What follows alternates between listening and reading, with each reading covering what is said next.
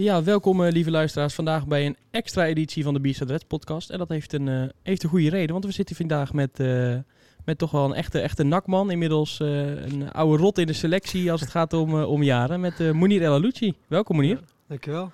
En we gaan vandaag even een mooi gesprek houden over jouw carrière, je tijd bij NAC, hoe het dit seizoen gaat, de toekomst. en ik doe ik samen met, met Levine beter bekend als uh, de Poop. Yes. ja, anders dan weten ze niet, uh, weten ze niet wie we zijn, hè? De Poop. Okay. Ja, ja, ja. Ja, ja. hey, Monier, om even, even met de deur naar huis te vallen. Zullen we Monier zeggen of zullen we koning van de assist uh, zeggen? Nee, zeg maar gewoon Monier, man. Oh, Oké, okay, dan houden we het, houden we het op, uh, Monier. hey, we gaan het vandaag willen het eigenlijk hebben over een paar, paar onderwerpen. en we willen eigenlijk beginnen met, ja, met, met, letterlijk met het begin. 2012. Toen ja. werd jij ineens opgepikt door, door NAC. Ja. Ja, ik uh, eigenlijk uh, helemaal eigenlijk had ik het helemaal niet verwacht om eerlijk te zijn, want ik speelde toen, uh, ik heb jaren bij FC gespeeld, FC Roosendaal, ja vier jaar. En ja, en toen gingen ze failliet en op dat moment had ik echt zoiets van, hè, je hebt een droom natuurlijk, je wilt voetballer worden.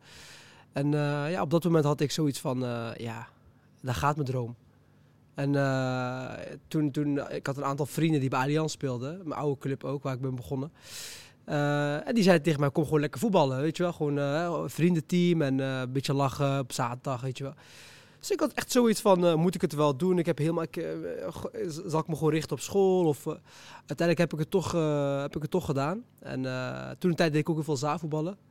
En ja, en op een gegeven moment ging ik bij Allianz in A1 spelen. En ja, dat beviel me wel, het was echt was heel leuk.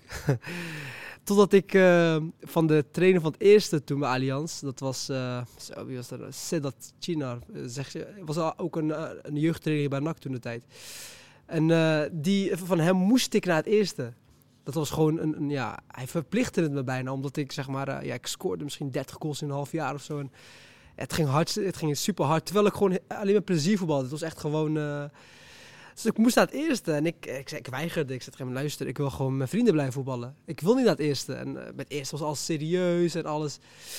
Op een gegeven moment, uh, Peter Maas was er ook toen de tijd. Hij was toen uh, een soort van adviseur bij Allianz. En op een gegeven moment uh, heb ik een gesprek met hem gevoerd en uh, tot huilen aan toe. Hè, want ik moest naar het eerste en uh, ja, echt waar. Want ik weet nog, dat kan je echt navragen. Want ik heb toen, zat ik hier, zat ik aan tafel met, met drie mannen, zeg maar de directeur, met de trainer en Peter Maas toen. Ja, Hoe oud was je toen?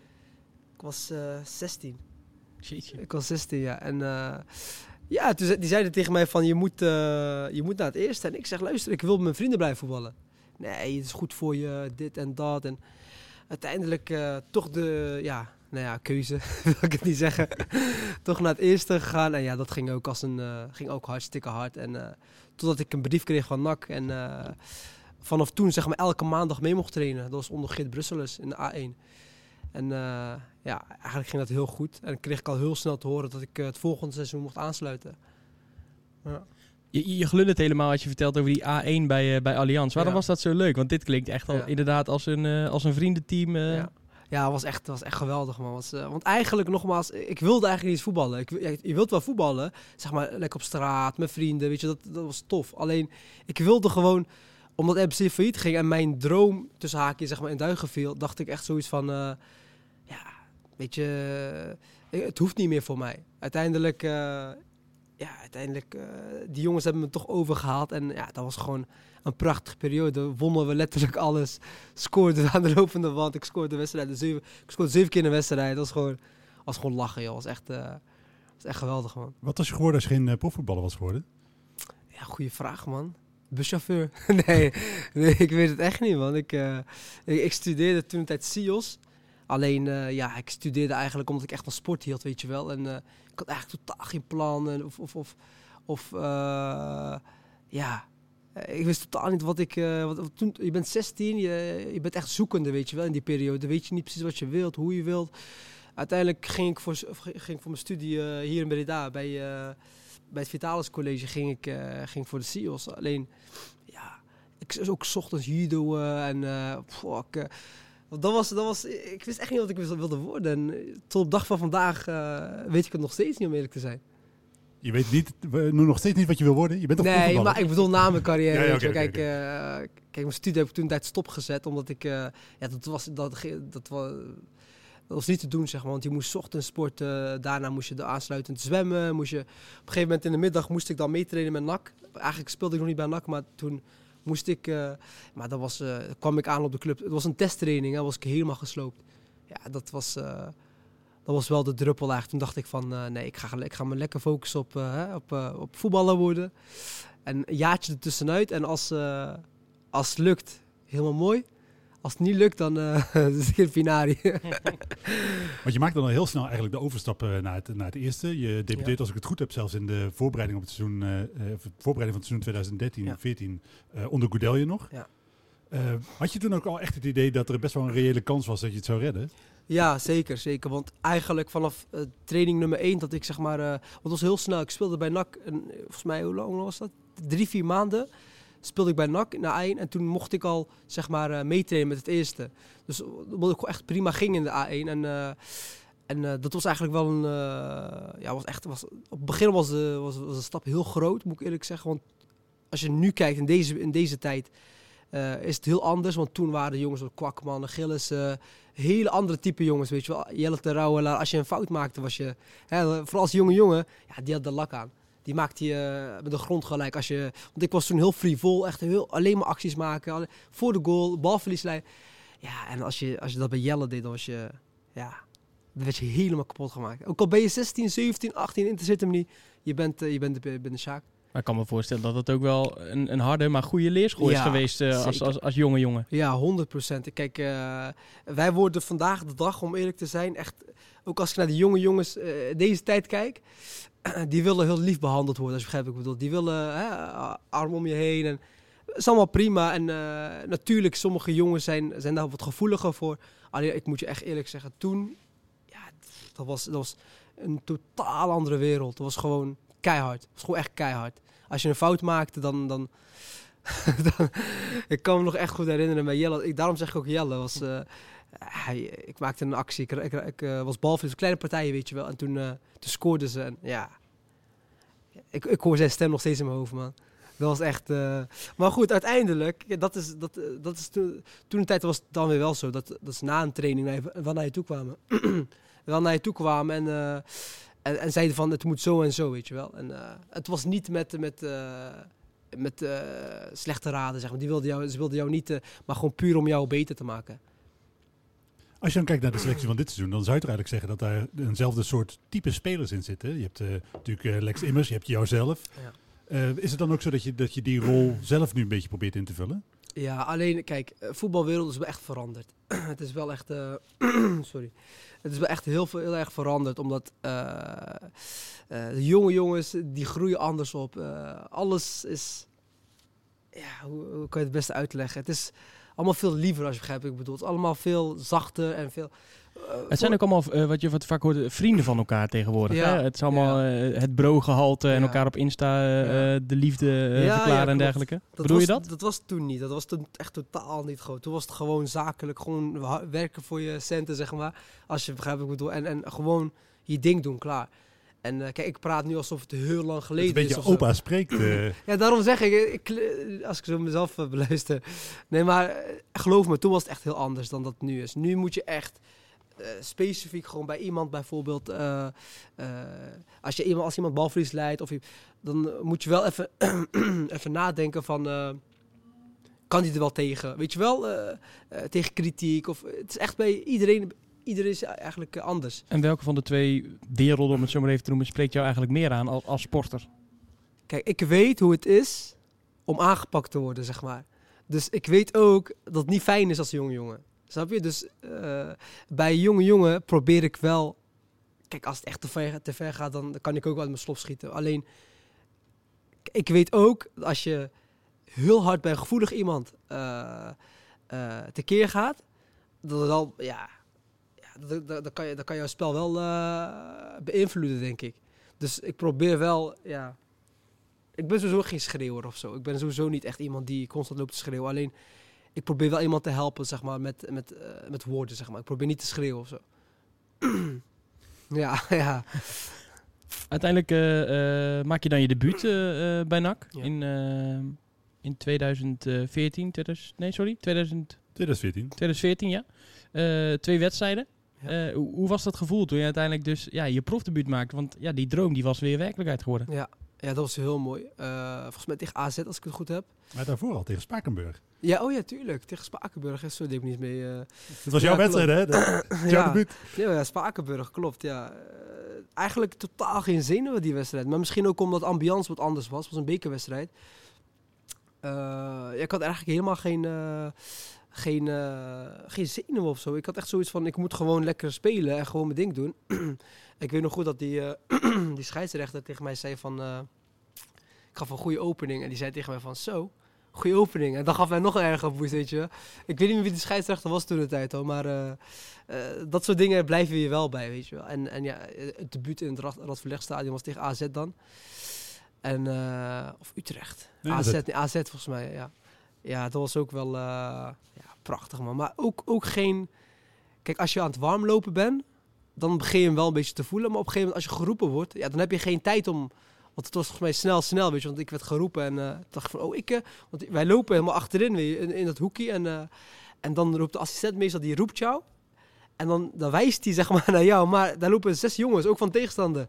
En dan kijk, wijs je jezelf aan ikke. En dan klikt hij ja, want die andere jongen wijst ook naar zichzelf. Dus op dat moment denk je van, eh, het zal toch niet. En uiteindelijk eh, wees hij zo naar rechts. En ik stond dan helemaal aan de rechterkant. En eh, sprinten naar de dugout en omkleden. En debuteren. En ja, tenminste in de recht staan. En dat was wel heel mooi, man. Eh, na afloop gaf je een interview, volgens mij bij De Stem. En je vertelde dat je thuis kwam, dat je ouders super trots waren. Maar je zei ook, ja, ja, maar ik weet wel zelf wat er beter moet. Ja. Ik denk, je hebt dan net je debuut gemaakt. Is dat Ja. iets wat je, wat je, wat je kenmerkt? Dus ik kan Ben je zelf kritisch? Ja, ja, tuurlijk, tuurlijk. Kijk, ik ben wel echt vanaf, letterlijk vanaf mijn jeugd weet ik al heel goed wat van mezelf.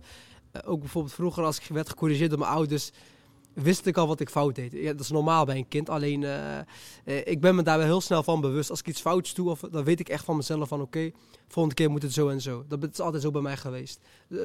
Voetbal, met alles eigenlijk. En ja, dat, dat interview kan ik me niet goed herinneren. Ik weet niet meer precies.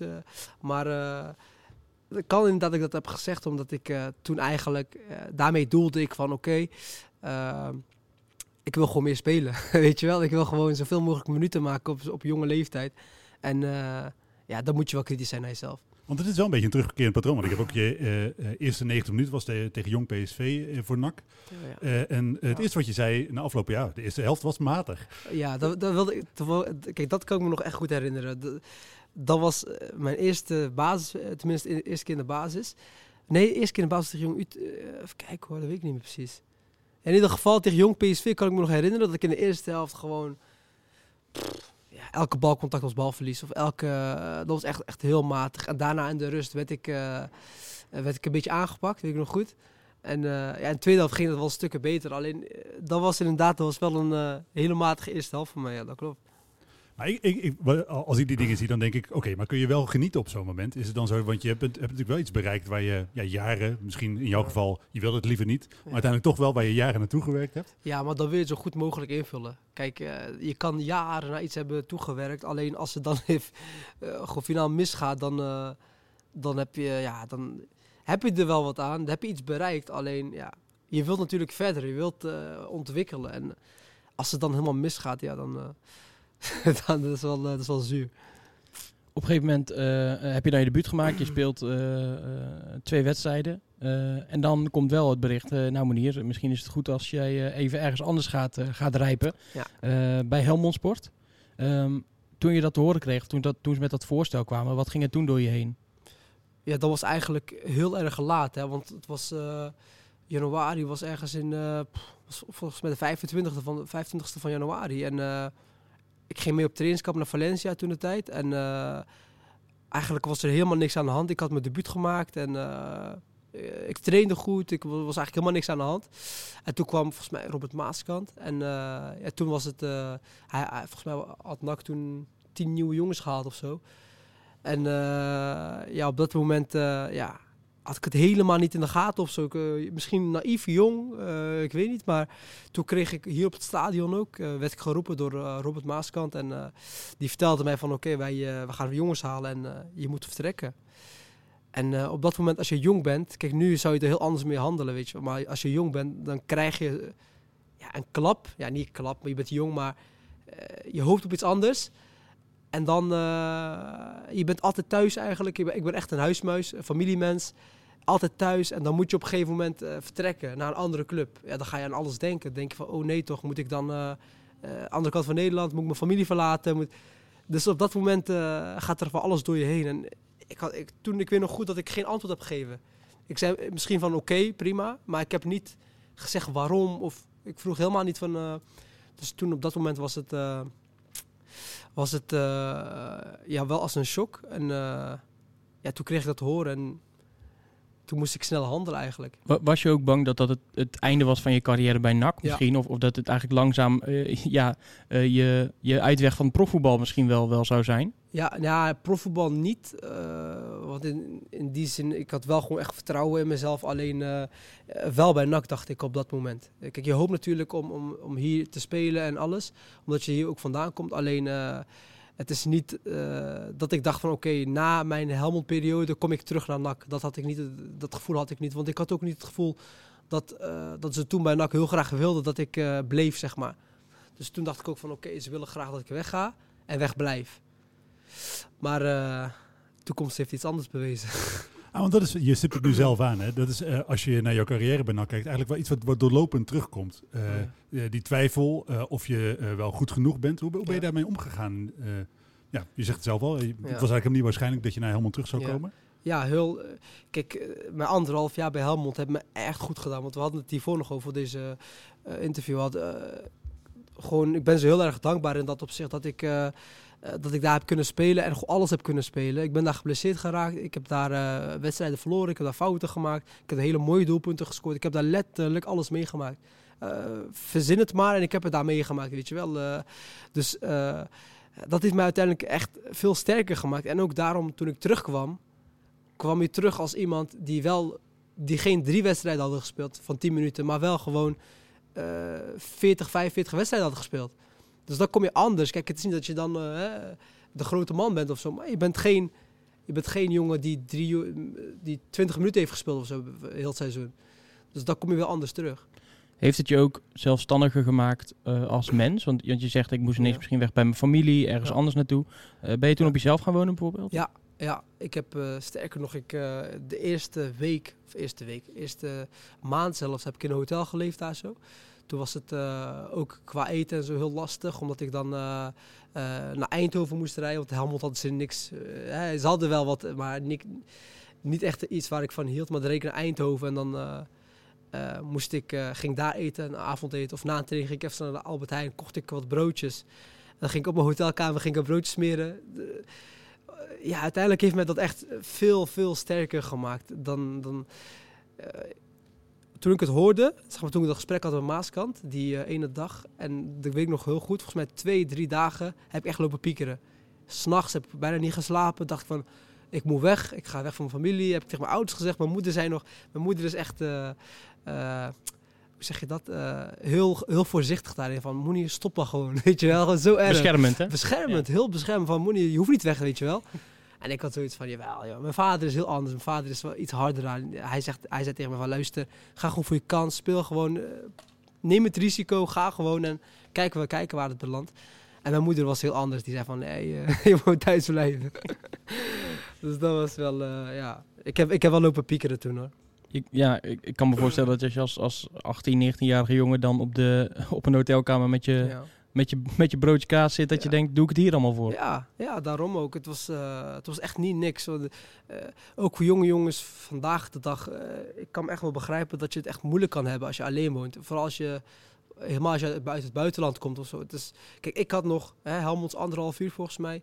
Kijk, het is niet dat je elke dag heen en weer kan gaan rijden. Dat is ook weer niet te doen. Dan raak je vermoeid. En alleen voor mij was het nog een optie om nog naar huis te rijden.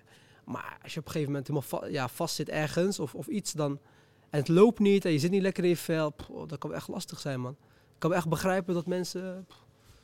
Je komt dan eh, eh, terug inderdaad als speler die een, een x-aantal wedstrijden achter zijn naam heeft. En dat Ja. betaalt zich eigenlijk ook wel direct uit. Want het eerste jaar dat je terugkeert bij NAC, eh, krijg je wel gelijk een belangrijke plek. Want je speelt 26 wedstrijden, 4 doelpunten, 4 assists. Ja, Ja. dan is het ineens eigenlijk het, he- het hele andere verhaal. Want jij dacht, NAC Ja. wil van me af. En, de- en dan speel je ineens meer dan 20 wedstrijden. Ja, ja alleen het begin was ook niet uh, vlekkeloos, om eerlijk te zijn, toen ik terugkwam. Toen uh, kreeg ik ook te horen dat ik weg moest. Alleen uh, toen stond ik, stond ik er iets anders in. Toen had ik zoiets van: nee, daar zitten we niet wat jullie zeggen. Ik blijf gewoon en ik ga voor mijn kans. Want op dat moment kreeg ik ook te horen van: oké, we hebben. Volgens mij, wie hadden ze gehad? Volgens mij Stans, Nijholt en. volgens mij was dat die zomer. Dus Dijkhuizen, die, dat was toen de trainer, volgens mij, die wilde eigenlijk ook jou weg hebben bij NAC. Ja, kijk, ik weet niet of, of, of Dijkhuizen het was. Want uh, Dijkhuizen en ik waren gewoon prima met elkaar eigenlijk. Hij was heel, uh, heel open en heel, heel, heel relaxed eigenlijk tegen mij. Alleen misschien, ik weet niet of Smulders kwam, maar in ieder geval, toen, toen kreeg ik te horen van oké, okay, luister, we gaan jongens halen, dus... Dus uh, je moet plaats maken. En toen ook tijdens trainingen, bijvoorbeeld als we een 11 tegen 11 deden, tactisch, dan uh, stond ik aan de zijkant af te werken met de, met de visio. Dus ja, uiteindelijk, nogmaals, ik was, ik was, het was niet fijn, zeg maar. Het was echt totaal niet fijn. Maar ik had toen wel een andere mindset. Ik had echt zoiets van, oké, op dat moment, ik, voelde me sterk. Ik, ik trainde ook echt goed. Alleen bij die 11 tegen mocht ik er niet meedoen. Alleen ik trainde altijd goed. Kleine partijen deed ik het goed. En uh, de oefenwedstrijden toen in die voorbereiding deed ik het goed. dus ik had echt het gevoel van... Iets klopt niet, zeg maar. Ik, uh, ik moet spelen eigenlijk. Tenminste in die zin dat ik uh, mezelf beter vond op dat moment dan bepaalde jongens. En toen had ik tegen, tegen mezelf gezegd van... Luister, ik wil voor mijn kans. Heb ik een gesprek met de trainer gehad. En hij was, was eerlijk. Hij zei. Luister, jij gaat een kans krijgen. Oké. En uiteindelijk raakte volgens iemand geblesseerd. Dan kreeg ik de kans en toen ging het. Dus scoorde ik volgens mij ook gelijk tegen RKC als ik het goed heb. Maar je neemt er eigenlijk wel een risico mee op zo'n moment. Je bent een jonge jongen, je hebt dan wel zwaar wat ervaring bij Helmond opgedaan. Ja. Uh, maar je weet dat, je, dat er in principe andere jongens voor jou uh, plek zijn. Ja, ja klopt.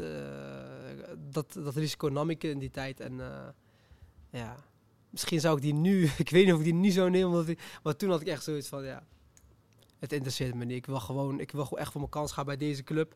En ja. Maar, maar, hoe, hoe hou je dan die, die drive en ik wil bij mijn kans gaan voor, bij deze club als jij zeg maar wel, als, als er dan partijvorm is, dat je dan met de ja. visio staat af te werken. Ik kan me voorstellen dat je ook denkt, ja jongens, voor jullie ga ik het niet meer doen. Voor mezelf misschien wel, maar... Ja, omdat je gewoon, je ziet zeg maar, kijk het klinkt raar, alleen je ziet op jouw positie dat jij beter bent op dat moment dan jouw, jouw concurrent op dat moment zeg maar. En jij ziet dat er iets niet klopt. In die zin dat, dat dat bijvoorbeeld uh, jongens die worden gehaald, bij wijze van spreken, een voorrang hebben of zoiets. Weet je wel, dat zie je op dat moment. En dan, en dan gaat er wat iets aan je knagen. En dan denk je bij jezelf van oké, op dit moment word ik zo behandeld. Dus met andere, ik ga gewoon, ik ga gewoon, dat was echt mijn mindset. Ik ga gewoon mijn ding doen. En dan kijken we waar Schipstrand. Ik ga gewoon maar alle uiterste best doen. En dan volgend jaar kan ik bij wijze van spreken bij een amateurclub spelen. Hè. Zo, zo, zo dacht ik op dat moment. Het interesseert me niet. Ik ga gewoon voor mijn kans. En uiteindelijk, ja, voetballerij kan heel raar lopen.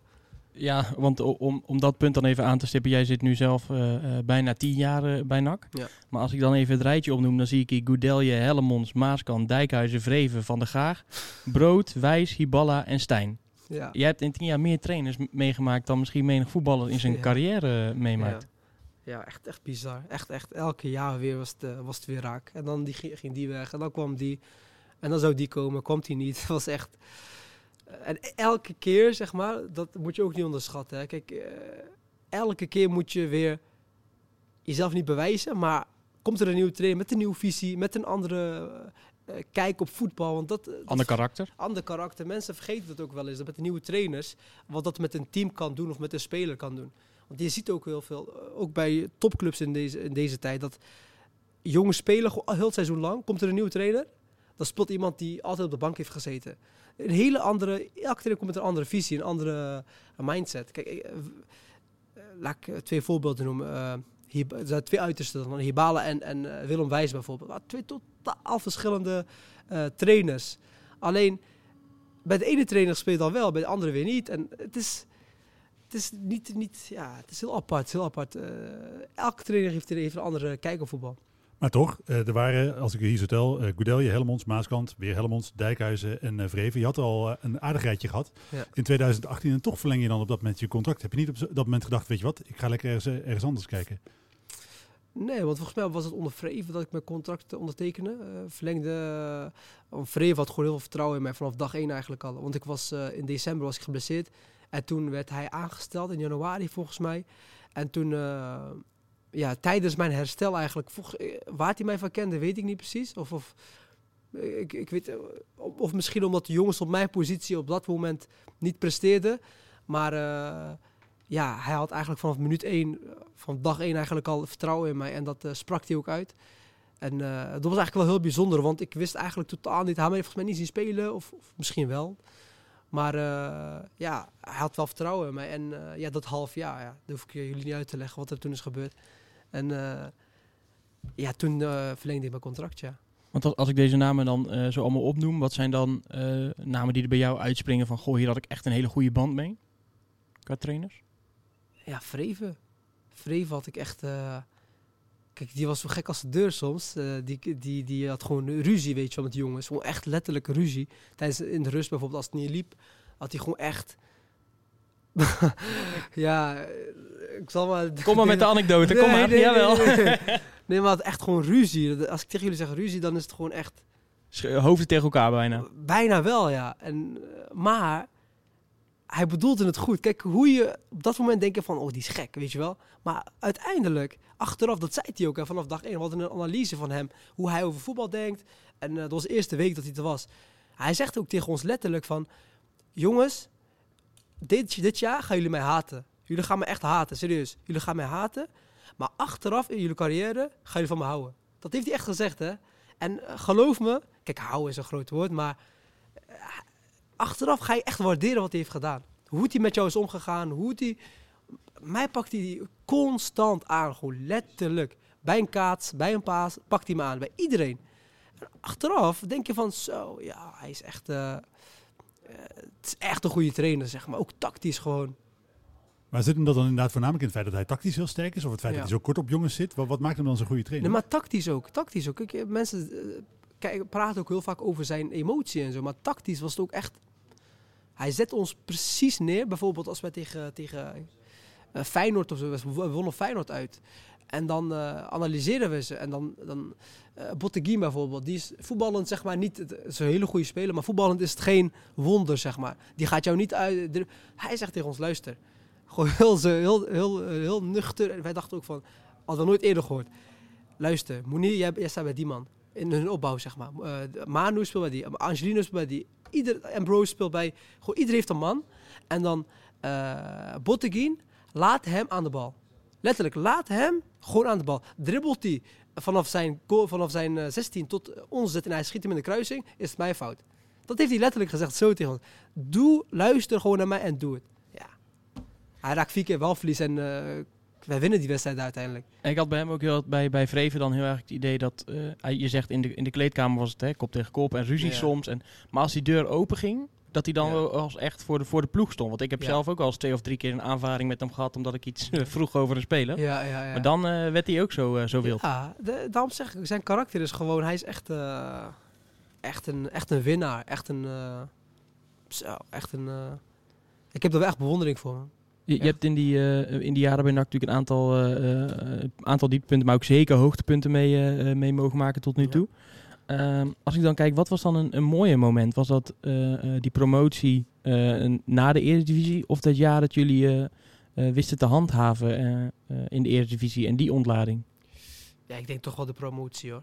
Want ik denk dat wij dat jaar in de Eredivisie wel eerder hadden kunnen handhaven. Dat wij gewoon wel echt een een goede voetballende ploeg hadden. Alleen soms wat tekort kwamen in ervaring, denk ik. Dat wij soms uh, echt prima wedstrijden speelden, maar, maar niet op de streep konden trekken. En uh, ja, ik denk dat wij pas de laatste drie wedstrijden volgens mij hand... Uh, Thuis wij... tegen Heerenveen hè, werd het eigenlijk praktisch ja, duidelijk. Was, juist, juist. Toen moest Twente nog met tien doelpunten winnen of zo. Of Van jullie? Of Rodaal was het volgens mij, in ieder geval. En toen... ja, ik denk toch wel de promotie, want dat was als je dit, we, hebben het net, we hebben het net over dat jaar, zeg maar, wat er allemaal is gebeurd. Ja, voor mij was het echt, uh, echt het mooiste tot nu toe wat ik in mijn carrière heb meegemaakt, man. En ik, ja, ik weet niet of het nog mooier kan, want uh, nogmaals, ik heb het nou over, het- jaar, weet je wel. Wat er allemaal is gebeurd. Zoveel negativiteit, eh, die ontslagen, de, eh moet weg. eh, alles, is, alles is gebeurd, geblesseerd geraakt. Uiteindelijk prom- promoveer je en de manier waarop, ja... Was eigenlijk helemaal geen geweldig seizoen ook, hè. Het was eigenlijk helemaal geen... eh, volgens mij pas een laatste reguliere wedstrijd. Almere City uit. Almere City uit, ja. Zijn wij pas in de halve finale van de play-offs ingestroomd. Als we die verloren, dan moesten wij instromen in de... In de hoe noem je dat? In de... Ja, voor de, voor de periode kampioen. ja, eh. ja, precies. Uiteindelijk winnen wij die ook hartstikke overtuigend. En eh, vliegen wij door die play-offs in eigenlijk. Baalde jij dan ook heel erg dat toen bekend werd dat, dat Vreven wegging? ja, dat, zeg maar de zomer eh, daarop. Ja, dus zeg na de- ja. na Eredivisie. eh, Ja. ja. zeker, zeker. Ik vond het echt... eh, ik heb hem ook... wanneer was het? Wat, wat een laatste etentje samen. En toen, toen sprak hij ons aan en...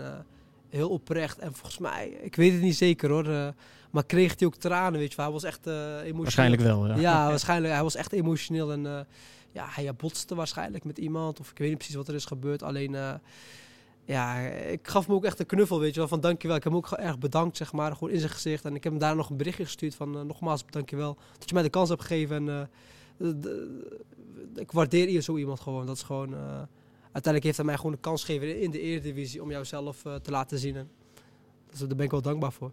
Was dat seizoen in de Eredivisie onder Vreven ook misschien wel een van jouw beste seizoenen in dienst van NAC?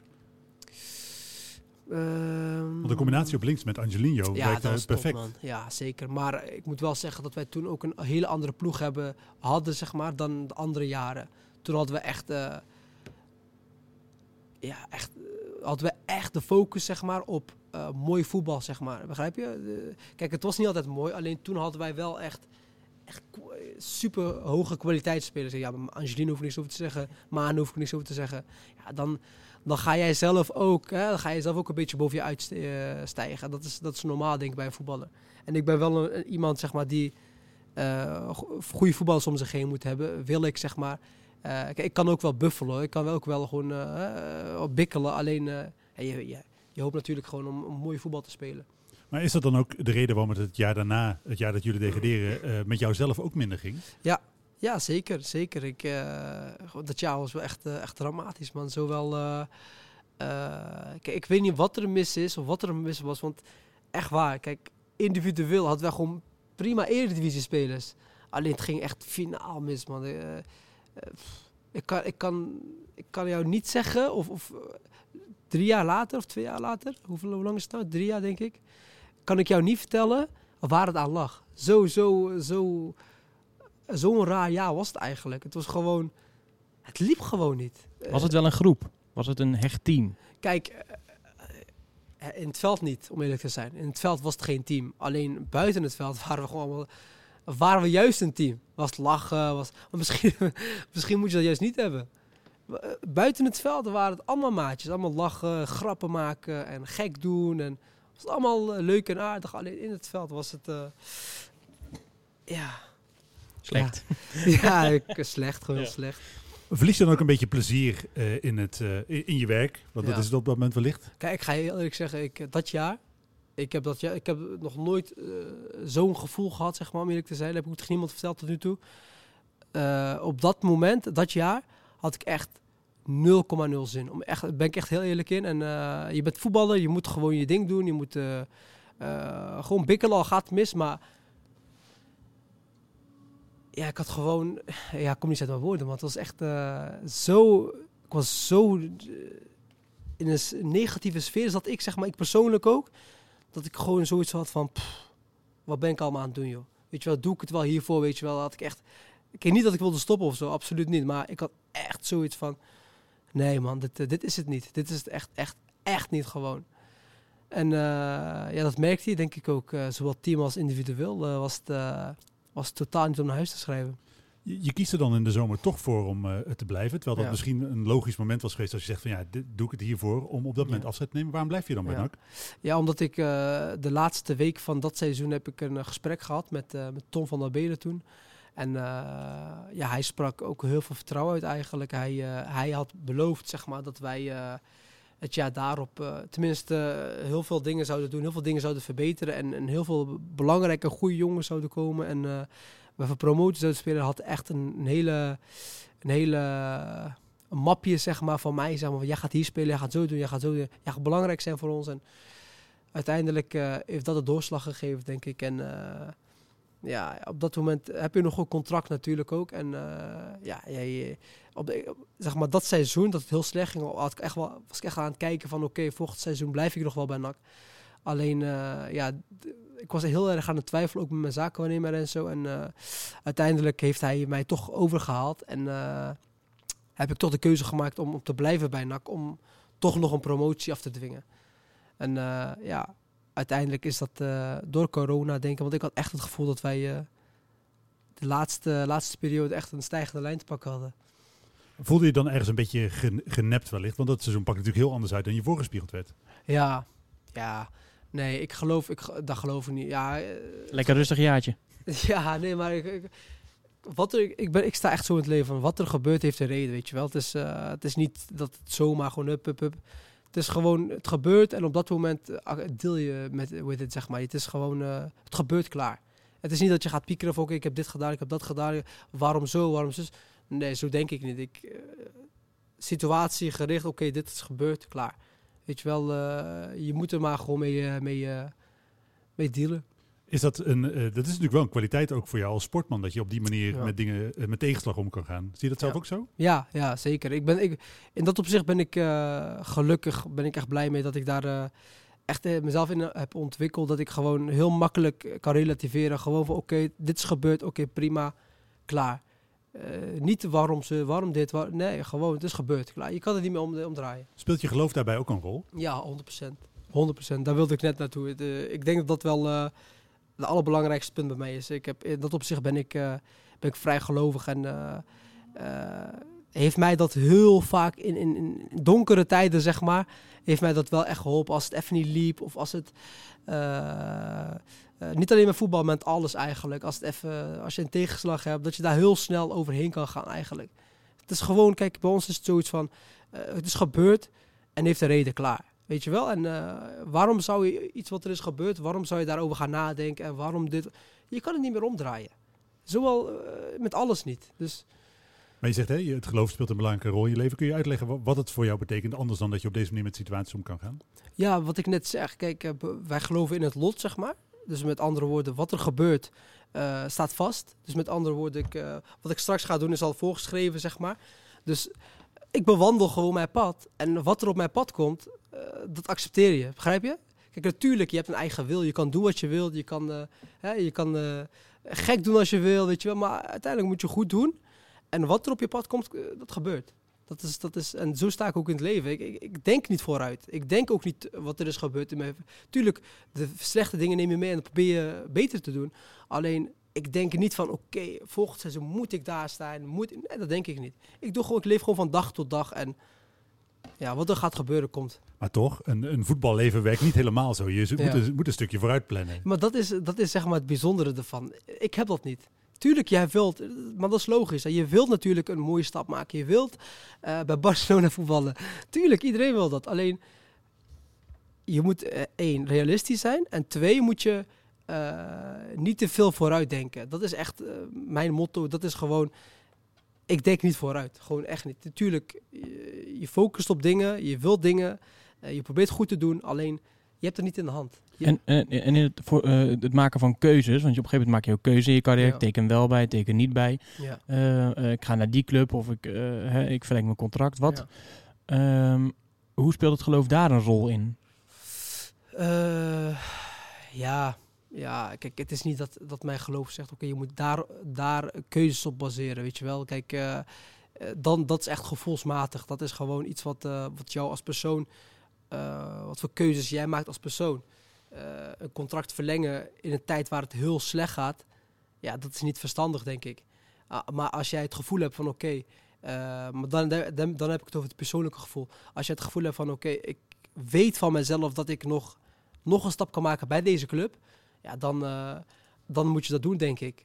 En dan kom je al snel op die persoonlijke vlak. Dat je, dat je, ja, het geloof komt daar niet echt, echt bij kijken. Dan is het echt op persoonlijke, En, en ehm, als je dan even breed naar het voetbal kijkt, eh, en bijvoorbeeld in een kleedkamer, hoe, speelt geloof daar een rol? Eh, ja, ook vrij weinig, denk ik. Ik denk dat je in contact met jongens gewoon eh, de persoon Moenier bent, denk ik gewoon. Dus eh, mijn karakter is gewoon... Kijk, ik moet je eerlijk zeggen, eh, mijn karakter is ook veel veranderd eh, door het geloof. Ik ben ook veel rustiger geworden. Ik ben ook... eh, eh, kijk, ook nu in de kleedkamer. Natuurlijk, ik ben een van de oudere jongens. Ik, ik help wat jongens, de jonge jongens vooral. Eh, alleen, het is niet dat ik... eh, door het geloof, zeg maar, eh, jongens, hoe zeg je dat? Dat ik jongens aanspreek door het geloof of zo. Nee, dat is, dat is niet het geval. Ik probeer gewoon, ik ben, het is mijn karakter, dat is gewoon, dat is gewoon mijn persoonlijke. maar door, door het geloof is mijn karakter wel rustig geworden, als je begrijpt wat ik bedoel. Dus het heeft eigenlijk eh, twee kanten. Maar toch, hè? het is eh, zo dat je, eh, de, de islam biedt jou een aantal kernwaarden, Ja. een aantal bepaalde visie op het leven, die Ja. niet per se strookt met het snelle geld, het uiterlijk vertoon, Ja. vrouwen en dergelijke in het voetbal. Absoluut, ja. Nee, da- dan zou je eigenlijk zeggen, de voetbalwereld helemaal niks is voor... Ja, precies. ja, klopt. Ja, klopt. Alleen, ik denk dat je dat prima kan combineren. Het is eigenlijk helemaal geen...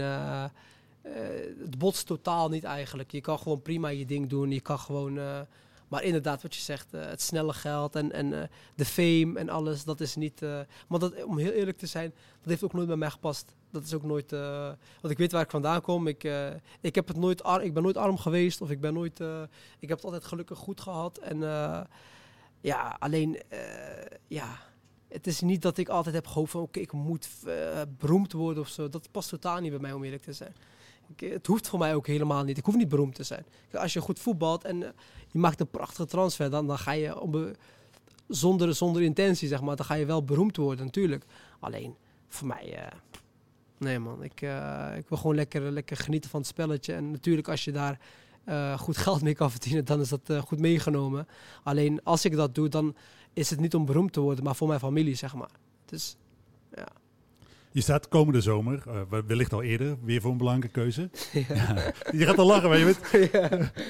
ja, het duurt lang, hè? we kunnen er niet onderuit, toch? Ehm, want het is natuurlijk gewoon zo dat je contract afloopt. En alle eerdere keren, als je jouw carrière benakt bekijkt, heb je telkens voor de club gekozen. Heb je telkens voor eh lange blijver gekozen. Ja. Ehm, Huismuurs Monier hoorde ik net. Precies. Dus, eh, je wil liever niet verhuizen, zelfs als je naar Helmond moet. Dat is in Ja. Breda bijtekenen de beste keuze, of niet?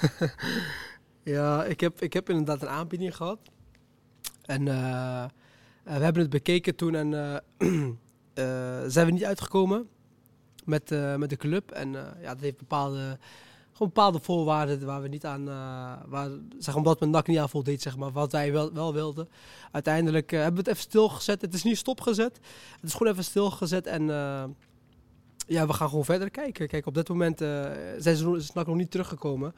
En ja, heb ik zeg maar... eh, kijk, ik loop ik, over twee maanden loop mijn, of twee, drie maanden loop mijn contract eh, stop. En natuurlijk moet jij zelf ook verder gaan kijken dan. Als NAC nog niet is gekomen, dan ga je, ga je verder kijken. en als NAC terugkomt, ja, dan ga je daar weer naar kijken. Het is, het is eigenlijk een beetje... eh, een beetje kijken wat het beste bij je past op dat Ja. moment. Je lijkt me niet iemand die op het allerlaatste moment een keuze maakt. Je lijkt me iemand die wel overwogen keuzes maakt. Ja, Je- zeker. je hebt hier vast over nagedacht. Over dit antwoord? Of Nee, nee, nee, nee, nee, ja, misschien ook wel. Oké. Nee, ja, natuurlijk. Je gaat erover nadenken. Dat is logisch, weet je. wel. Het is... eh, ja, alleen, ik kan op dit moment kan ik ja, vrij wijk. Ik, eh, Je mag alles zeggen hier. hè? ja, dat begrijp ik, dat weet ik. Alleen, eh, kijk, op dit moment is echt, nogmaals... Ik heb zeg maar het recht, weet je wel, om met andere clubs te praten. Of ik heb het recht om naar NAC's contract te kijken, weet je wel. Het is eigenlijk een beetje allebei. De- Tuurlijk, als NAC nog een keer terugkomt, dan ga je eraan kijken. Als er een andere club naar mij toe komt, dan ga je met hun praten. Dat is, dat is, dat is logisch, denk ik. Alleen eh, op dit moment echt waar. Klinkt echt cliché, alleen ben ik er helemaal niet mee bezig. Echt waar. Dus eh, je, je kijkt me in de ogen aan en ik, ik, ga echt niet liegen daarover. Ik ben er echt niet mee bezig. Ik, eh, op dit moment ben ik bezig met, met, echt met het team. en, Kijk, zo'n antwoord had je kunnen verwachten van mij natuurlijk. Heel, heel, ja, ja, ja. Alleen het is echt zo. Het is echt, daar ben ik echt eerlijk in. Ik, Je hebt natuurlijk wel eh, eerder het jaar bijvoorbeeld gezegd, ik vind mezelf inmiddels eh, een Eredivisie-speler. Ik denk dat ik daar Ja. klaar voor ben voor die stap. In, Ja. hoe, in hoeverre speelt de promotie dan wel een rol in die keuze? Ik kan je nu al zeggen, ja, ik ga niet nog een jaar in de keukenkampioen-divisie spelen.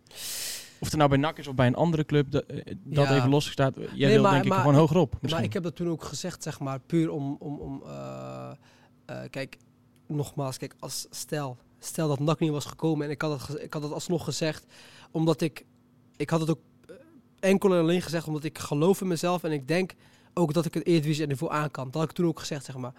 Eh, ik heb toen niet gezegd, ik wil per se met NAC naar de Eredivisie of ik wil naar een Eredivisieclub. Ik heb gezegd van oké, ik wil naar de Eredivisie, dat zou ideaal zijn voor mij. En eh, eigenlijk heel globaal gezien dat ik zeg, ik wil gewoon naar de Eredivisie. Weet je wel? Eh, omdat ik het niveau aan kan. En natuurlijk, als, NAC als, wij gaan, als wij promoveren, dan is dat alleen maar aantrekkelijker, natuurlijk. Dat is, maar, maar dat weet je van tevoren niet. Dat, dat kan je niet weten. En ik ben wel iemand, ik ben... eh, eh, ik, hou, ik hou ervan. Ik hou niet van... Kijk, risico's neem ik in het leven sowieso. Alleen eh, op dit moment, op deze leeftijd... ik heb ook... ik, heb, ik, ben, ik ben pas... ik, heb, ik heb een kleine, zeg maar, een dochtertje. Op dit moment in het leven heb ik echt zoiets van... Ik wil wel wat zekerheid van tevoren, zeg maar. Het is niet dat ik de laatste week van juni, weet je wel, dat ik ga denken, oké, ik ga nu verlengen of ik ga nu weg. Dat niet. Ik, ik weet wel ruim van tevoren, zeg maar, waar ik, eh, wat ik wil, van waar ik heen wil. Heb je dan voor jezelf een, een deadline in tijd wanneer je een keuze gemaakt wil hebben? Nee, niet echt om eerlijk te zijn. Kijk, eh, ruim van tevoren, daarmee bedoel ik zeg maar eh, een maandje, twee maanden van tevoren, voordat ik zeg maar, ja, kijk als NAC binnen, binnen, ja, binnen een week bijvoorbeeld met een, met een eh, voorstel komen weer bijvoorbeeld, ja, dan ga je daar weer naar kijken, weet je wel. Dus het is, het is we, zullen het, we zullen doorgeven kantoor. dat ze wel een beetje opschieten met, eh, met de aanbieding. Hey, ehm, ja, het, het huidige seizoen loopt natuurlijk eh, nu eigenlijk heel goed. ja. Eh, ehm, maar neem ons even mee naar, naar het begin eigenlijk van, de, van dit seizoen. Waarin waarin je zes wedstrijden op rij wint. Ja. Dacht jij, eh, wij gaan eh, kampioen worden? Of hoe, eh, wat voor gevoel leefde er toen in de groep? Ja, kijk, ik denk dat er toen een bepaalde sfeer hing inderdaad. Dat wij helemaal geen geweldige wedstrijden speelden, maar gewoon makkelijk eigenlijk wonnen, zeg maar. Kijk, natuurlijk, het, het liep niet heerlijk, zeg maar, qua voetbal. Alleen, ja, we wonnen die wedstrijden gewoon op karakter. Wat wij nu eigenlijk ook wel hebben, om eerlijk te zijn. Dat wij nu ook wedstrijden echt op karakter winnen, weet je wel. Het is ook allemaal niet... Het is wel iets stukken, stukken beter, alleen... eh, ja, die wedstrijd, je hebt toch gewoon een gevoel toen ook. Je had gewoon het gevoel, oké, we staan nu achter. We gaan deze wedstrijd omdraaien, hoe dan ook. En eh, uiteindelijk gebeurde het ook. En uiteindelijk, ja, kijk wat er daarna is gebeurd. Kijk, het is geen excuus, maar het heeft er echt ingehakt, man. Bij mijzelf ook persoonlijk, de corona, zeg maar. Dat heeft er toen, volgens mij was het na, na de eerste zes wedstrijden, toch? Ja, toen speelden we volgens mij, moesten wij tegen Cambuur, volgens mij. Of tegen, ik weet niet meer precies tegen wie. En eh, ja, toen was het, eh, toen was het echt, eh, echt heftig, man. Het was echt heftig. Wat, wat was er zo heftig dan die, die periode? Ja, gewoon dat je als, als sportman eigenlijk, dat heb ik wel mezelf. Hè. Ik weet niet, andere jongens hebben het ook flink getroffen. Alleen dat je als sportman, ik ben eigenlijk altijd wel een van de, ja, niet fitste, maar wel als wij, als wij een, een, een test doen, kom ik altijd als een van de boven, aan de bovenkant. dus als sportman dat je zo, zo'n klap krijgt, zeg maar, in jouw conditie eigenlijk. Want ik moest, na twee weken mocht ik weer een beetje wandelen en zo. Het werd gewoon even duizelig, weet je wel. Gewoon, ja, was gewoon, eh, of als ik een rondje op, op zeg maar, moest, je moet opbouwen en dan moest ik even een rondje joggen.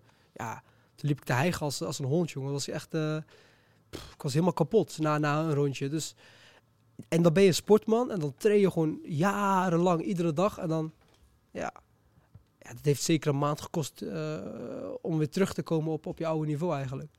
En, en ja, ik kan me ook voorstellen dat je dan als ploeg en als team... dat je eigenlijk alles door je, door je vingers voelt glippen.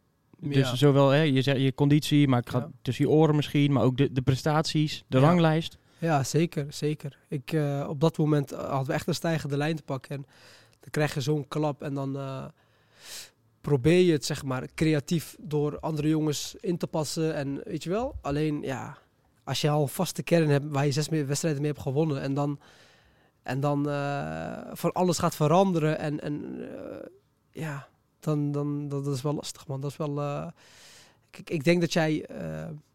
kan presteren als club, als ploeg zijnde, als je echt een vaste kern hebt. Want als je te veel gaat wisselen, dat is... eh, we hebben ook trainers meegemaakt, weet je misschien eh, bij NAC, dat we iedere week een andere opstelling hadden. Ja, dat is, dat is als voetballer zijnde niet prettig, maar eh, als, als individueel niet prettig, maar ook als team niet prettig. Dan, je, je traint iedere dag wel met elkaar, maar je speelt niet wedstrijd. Een wedstrijd is heel anders dan een training. Dus ja, dat was toen wel... ja, je merkte het aan, aan de wedstrijd die we speelden. was gewoon ja, in wereld van verschil. Maar inmiddels eh, staat die vaste kern dan weer. Want je zegt ook, de, de, jullie hebben, ja, de opstelling kan je eigenlijk redelijk uittekenen Ja. tenzij er blessures zijn. Ja. Eh, is het dan ook zo dat je dat goede gevoel van die eerste zes wedstrijden dan nu weer terug hebt? Of misschien zelfs wel beter is? Ja, ik denk het wel. Ik denk dat wij nu ook eh, fitter zijn geworden. Want we hebben echt, de trainer heeft daar ook bewust voor gekozen om harder te trainen. En ja, je ziet dat wij gewoon nu, net zoals afgelopen, afgelopen maandag, ja, dan eh, is er helemaal niks aan de hand in de eerste helft. eh, sta je 2-0 voor en dan scoren zij 2-2. En dan, ik durf jou, ik durf te zeggen dat, dat eh, bij 80% van deze competitie, dat ze zou denken, oh wat gebeurt hier, weet je wel. Echt gepanikeerd eigenlijk, dat ze denken van oké, gaat het echt gebeuren? Maar wij hadden echt zo, kijk, we hadden wel wat discussies onderling in, in het veld, en, maar dat is normaal. Alleen, ik, ik persoonlijk en het team had totaal geen, zeg maar, eh, het gevoel van oké, we gaan deze wedstrijd weggeven. Nee, ik had het gevoel van eh, we gaan deze wedstrijd pakken, man. Is het dan ook zo dat corona wellicht ergens ook een stukje onverzettelijkheid toegevoegd heeft aan die groep? Dat je misschien op een andere manier eh, misschien meer samengekomen bent? Heeft eh, zo'n effect gehad? Ja, Of? misschien onbewust. Kijk, ik, het zou kunnen. Ik, onbewust dat je, dat je inderdaad zeg maar, door zo'n zware periode eigenlijk gewoon sterker bent geworden.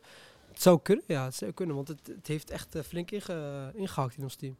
Als we dan kijken naar, eh, naar jouw cijfers van dit seizoen, dan, eh, dan is het je beste seizoen bij NAC tot nu toe. Ja. Ik heb dat proberen te verklaren en onderweg hier naartoe dacht ik ineens, het is, het, eh, het is misschien wel het Matthew Amoa effect. Ben je daar bekend mee? Nee.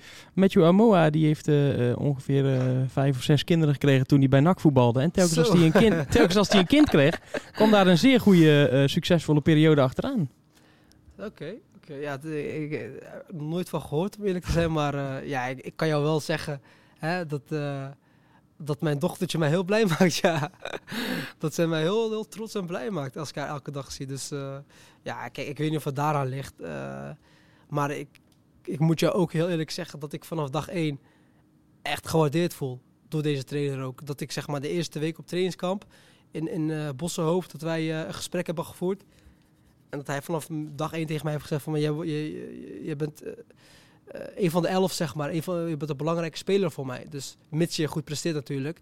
Maar eh, ja, dat... eh, kijk, ik ben in dat opzicht ook echt een gevoelsmens, snap je? Kijk, als er een trainer is die, die, helemaal niks met mij, met mij wilt of, of iets, dan ga je natuurlijk ook niet zo presteren, zeg maar.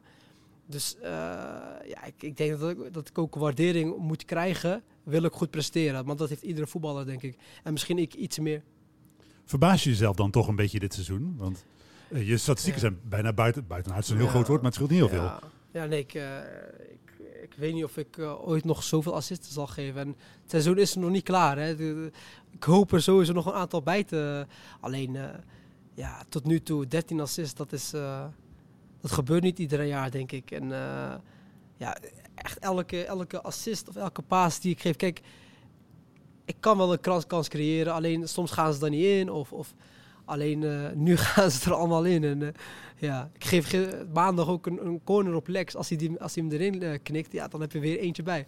Of Migi, zeg maar, Maria in de eerste helft, dat hij hem overschiet. En dat zijn ook allemaal eigenlijk...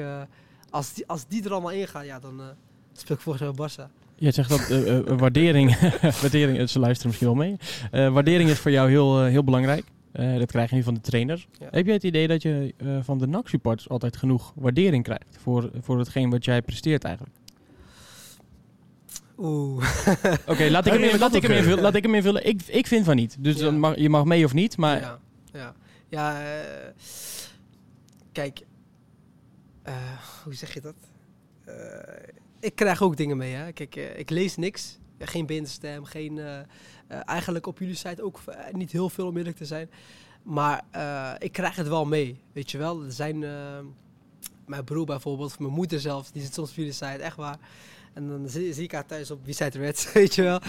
Dus ja, ik krijg wel dingen mee natuurlijk. En ik krijg ook wel eens te horen dat ze dit over mij hebben gezegd of dat. Maar volgens mij heb ik dat ook in een interview laatst gezegd. Dat er, kijk, vroeger zou het mij wel wat doen, weet je. Zou, je wel, eh, zou het mij wel echt beïnvloeden. Maar soms, eh, ik heb ook wel eens een keer gehoord. Kijk, ik weet niet of het waar is, hè, maar dat hoorde ik op de club een keertje. Dat, eh, dat iemand mij had gediscrimineerd, zeg maar. Dat heb ik een keer meegekregen. Hè. Kijk, ik weet niet of het waar is, nogmaals. Maar kijk, dat soort dingen, dat doet mij dan wel weer pijn. Snap je? Kijk, eh, ik heb echt een hele warme, warme gevoel bij deze club. Volgens mij Alex. We hebben gisteren aan de telefoon eh, we hebben gesproken. En ik heb het ook tegen hem gezegd, kan je, kan je navragen. Dat ik echt waar over twintig jaar bij wijze van spreken weer terugkom. Weet je wel? Eh, gewoon omdat ik, wie ook tegen mij is bij wijze van spreken, eh, omdat ik gewoon een super warm gevoel heb bij deze club. Het is gewoon, eh, eh, waarschijnlijk omdat ik hier ben, eh, omdat ik hier mijn debuut mag maken. Maar als, als ik dat niet had, dan zou ik hier nooit eh, bijna tien jaar zitten, weet je wel. Dan zou ik al lang weg zijn geweest. Want ik heb ook de kans gehad om een aantal keer weg te gaan. Alleen puur omdat ik van deze club hou en ben ik ook eh, gebleven. En ja, kijk, als het... Kijk, op mijn voetbal, mijn spel, dan kan iedereen kritisch zijn. En ik zal het altijd gewoon accepteren. Hoe dan ook. Eh, al denk ik bij mezelf van, oké, die paas had ik niet kunnen geven. En iemand zegt tegen mij dat we wel kunnen geven. Zou ik zeggen, prima, ja, oké. En dan zal ik er echt over nadenken. Alleen als het op persoonlijk, persoonlijk vlak komt, dan, dan kan het mij wel raken. Snap je? Dat, dat is anders. En is, is dat ook anders geworden door de jaren heen? Heb je het idee dat dat, dat, dat veel meer een rol speelt in, in de maatschappij, in de samenleving? Eh, ja, ja, kijk, als je, als je kijkt naar alles, vooral nu, eh, wat er allemaal gebeurt in deze wereld, dan eh, dat vind ik wel eng om eerlijk te zijn. Ik vind het wel echt, wel echt, ja, echt te ziek voor woorden eigenlijk, voor wat er allemaal gebeurt, wat, voor, wat er allemaal wordt gezegd en alles kan gewoon en alles. Terwijl ik bij mezelf denk van, luister, eh, laat, laat die jongen gewoon leven of laat hem gewoon zijn ding. Hij is ook een mens, weet je wel. Doe gewoon, weet je wel, doe gewoon... eh, leef je leven en, en focus je gewoon op jezelf, weet je wel. Eh, ja, volgens mij iedereen heeft het moeilijk met zichzelf genoeg, denk ik. Toch? Denk ik bij mezelf. Maar ja, Denk je wel eens dat je anders benaderd zou zijn als je Jan de Vries had gegeten? Dat dat voor jou ook een rol speelt? Eh, is dat wel een moeilijke vraag, man. Nee, maar Ja, nee, kijk. Ik ben de laatste die een slachtoffersrol gaat spelen, gaat kruipen. Dat vraag Nooit niet, van mijn leven, echt waar. Alleen, ik hoef niet onder stoelen of banken te, te schuiven dat, dat dat wel gebeurt. Dat, het wel, dat ik soms wel anders word benaderd dan hè, eh, eh, Jan of, of, of hè. Maar, maar goed, dat is eh, de tijd waar we in leven. En eh, nogmaals, ik heb er helemaal geen moeite mee, want ik word gewaardeerd waar ik gewaardeerd moet, eh, moet worden, zeg maar. En dat is voor mij het allerbelangrijkste, man. En dat is helemaal... nee. als je dan positief uitlegt, vind je dan dat je jezelf... Je hebt natuurlijk een, als voetballer zijn de spotlights. Zie je dan Ja. voor jezelf ook een, een rol als rolmodel in positieve zin? Ja, zeker. Kijk, ook al, ook al, ook al eh, wil je het niet, onbewust ben je het gewoon wel. Je bent, je bent voetballer en je bent eh, rolmodel inderdaad. En dan moet je jezelf zo goed mogelijk presenteren, zeg maar, buiten, eh, buiten het veld, binnen het veld. En dat zal niet altijd goed gaan. En, maar ja, ik denk bij mijzelf dat het wel, wel oké is. Het is niet dat ik, nogmaals, ik ben, mijn karakter zelf is al vrij rustig, dus ja, ik kom niet snel in problemen qua, qua eh, ja, dingen buiten het veld. Dus ik denk dat het wel, eh, wel prima samen gaat, man. En, eh, ja, wat ik, hoe ik jou net hier die, die, dat verhaal wil vertellen van de, de, de, de warmte die jij voelt voor, voor deze club. Ja. Ehm, ja, NAC is ook echt jouw club. Hè? Jij bent echt een, Ja. echt een NAC-man. Daar, daar hoeft denk ik niemand aan te twijfelen. ja. ja, nee, sowieso niet. Als iemand daar nog aan twijfelt, dan mag hij met mij een keer een kopje koffie gaan drinken. Nee, ik, eh, nee dat hoef ik echt niet te, nee, hoef ik niet te bewijzen of zo. Het is voor mij echt, NAC is sowieso letterlijk, het is echt mijn clubje, man. Hoe dan ook. Eh, nogmaals, als ik over 20 jaar terugkom, zal ik hetzelfde voelen. Wat er ook is gebeurd, hoe exact hetzelfde. NAC is gewoon ja, absoluut echt mijn club, man. Omdat ik gewoon alles heb meegemaakt. Ben weggegaan, teruggekomen, eh, moest weg, ben gebleven, promotie, eh blessure, alles wat je kan verzinnen. En, en, en niet alleen ikzelf, maar mijn familie ook, zeg maar. Die hebben ook echt, misschien nog meer dan ikzelf, als je begrijpt wat ik bedoel. Dus Die zijn gewoon helemaal gek op deze club. En vooral toen je nog supporters had, ja. Mijn vader soms ook, hij, eh, mijn broer en mijn vader kwamen heel vaak kijken. En dan, eh, en dan eh, mijn broer en mijn vader wat ouder natuurlijk. En dan eh, vraag ik hem, hoe, hoe mijn vader het? En hij zegt gewoon soms, in de rust bijvoorbeeld, dan praat hij tegen mijn vader, zit hij gewoon zo naar de zijkant. Zo is hij gewoon. En mijn vader eh, houdt er ook van, zeg maar, om, om heel vaak alleen te zitten, zeg maar. En dan, dan houdt hij gewoon, gewoon alles in de gaten. Zit met de supporters te kijken. Als je naar zijn telefoon kijkt ook, naar zijn filmen, naar foto's, video's. Soms zit hij gewoon naar video's te kijken van, van in de rust die video's te maken van de supporters zo. Geweldig man, dat is echt... eh, eh, mijn broer ook, hij heeft... eh, kijk, Snapchat weet je wel. En dan soms eh, herinneringen kan je zeg maar naar boven halen, weet je wel. Van, van een jaar terug of... En dan zie je gewoon constant video's van een wedstrijd, weet je wel. Dan zie je zo totaal niet naar de wedstrijd te kijken, maar gewoon eromheen aan het filmen. Zo. Dus dat is wel, eh, dat is wel mooi, man. ja. Thijs loopt hier ondertussen de... eh, ja. Ah, je, je zegt, hey, eh, eh, eh, eerder zei je van ik wil eigenlijk geen, geen planning voor de lange termijn maken. Je zegt nu wel, over. 20 jaar kom ik hier Ja. wellicht terug. Ook alweer geen planning voor de lange termijn maken. Heb je nog bepaalde doelen voor jezelf in je carrière? Misschien wensen?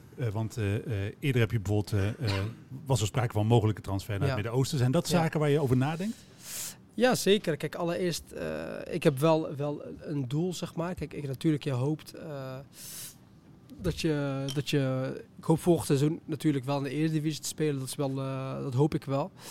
En als, en als dat niet lukt, zeg maar, dan, eh, dan ga je al snel inderdaad, zeg maar, richting, eh, richting het Midden-Oosten, ja. Kijk, ik heb altijd een droom gehad en dat was voetbal in Spanje. Dat was eigenlijk, eigenlijk mijn doel. En kijk, het kan altijd nog, hè, maar... ja, je moet wel realistisch zijn, denk ik. En ja, ik hoop, ik hoop eigenlijk, eh, dat zou voor mij helemaal mooi zijn als ik in Spanje zou voetballen. En als dat niet, eh, dan zou het Eredivisie zijn. Als dat niet lukt, dan zou het eh, het Midden-Oosten zijn, man. En dat heeft echt meer te maken met het geloof en, en het, het rustige leven, zeg maar. En hè? je kan daar, zeg maar, ook bijvoorbeeld... het gebed bijvoorbeeld, daar stoppen ze gewoon voor het gebed. De trainer is, heeft ook daar heeft ook in Dubai gezeten volgens mij. En hij vertelde mij een keer een verhaal dat ze in een, eh, zeg maar de Champions League van eh, het Midden-Oosten, dat is daar eh, in de rust.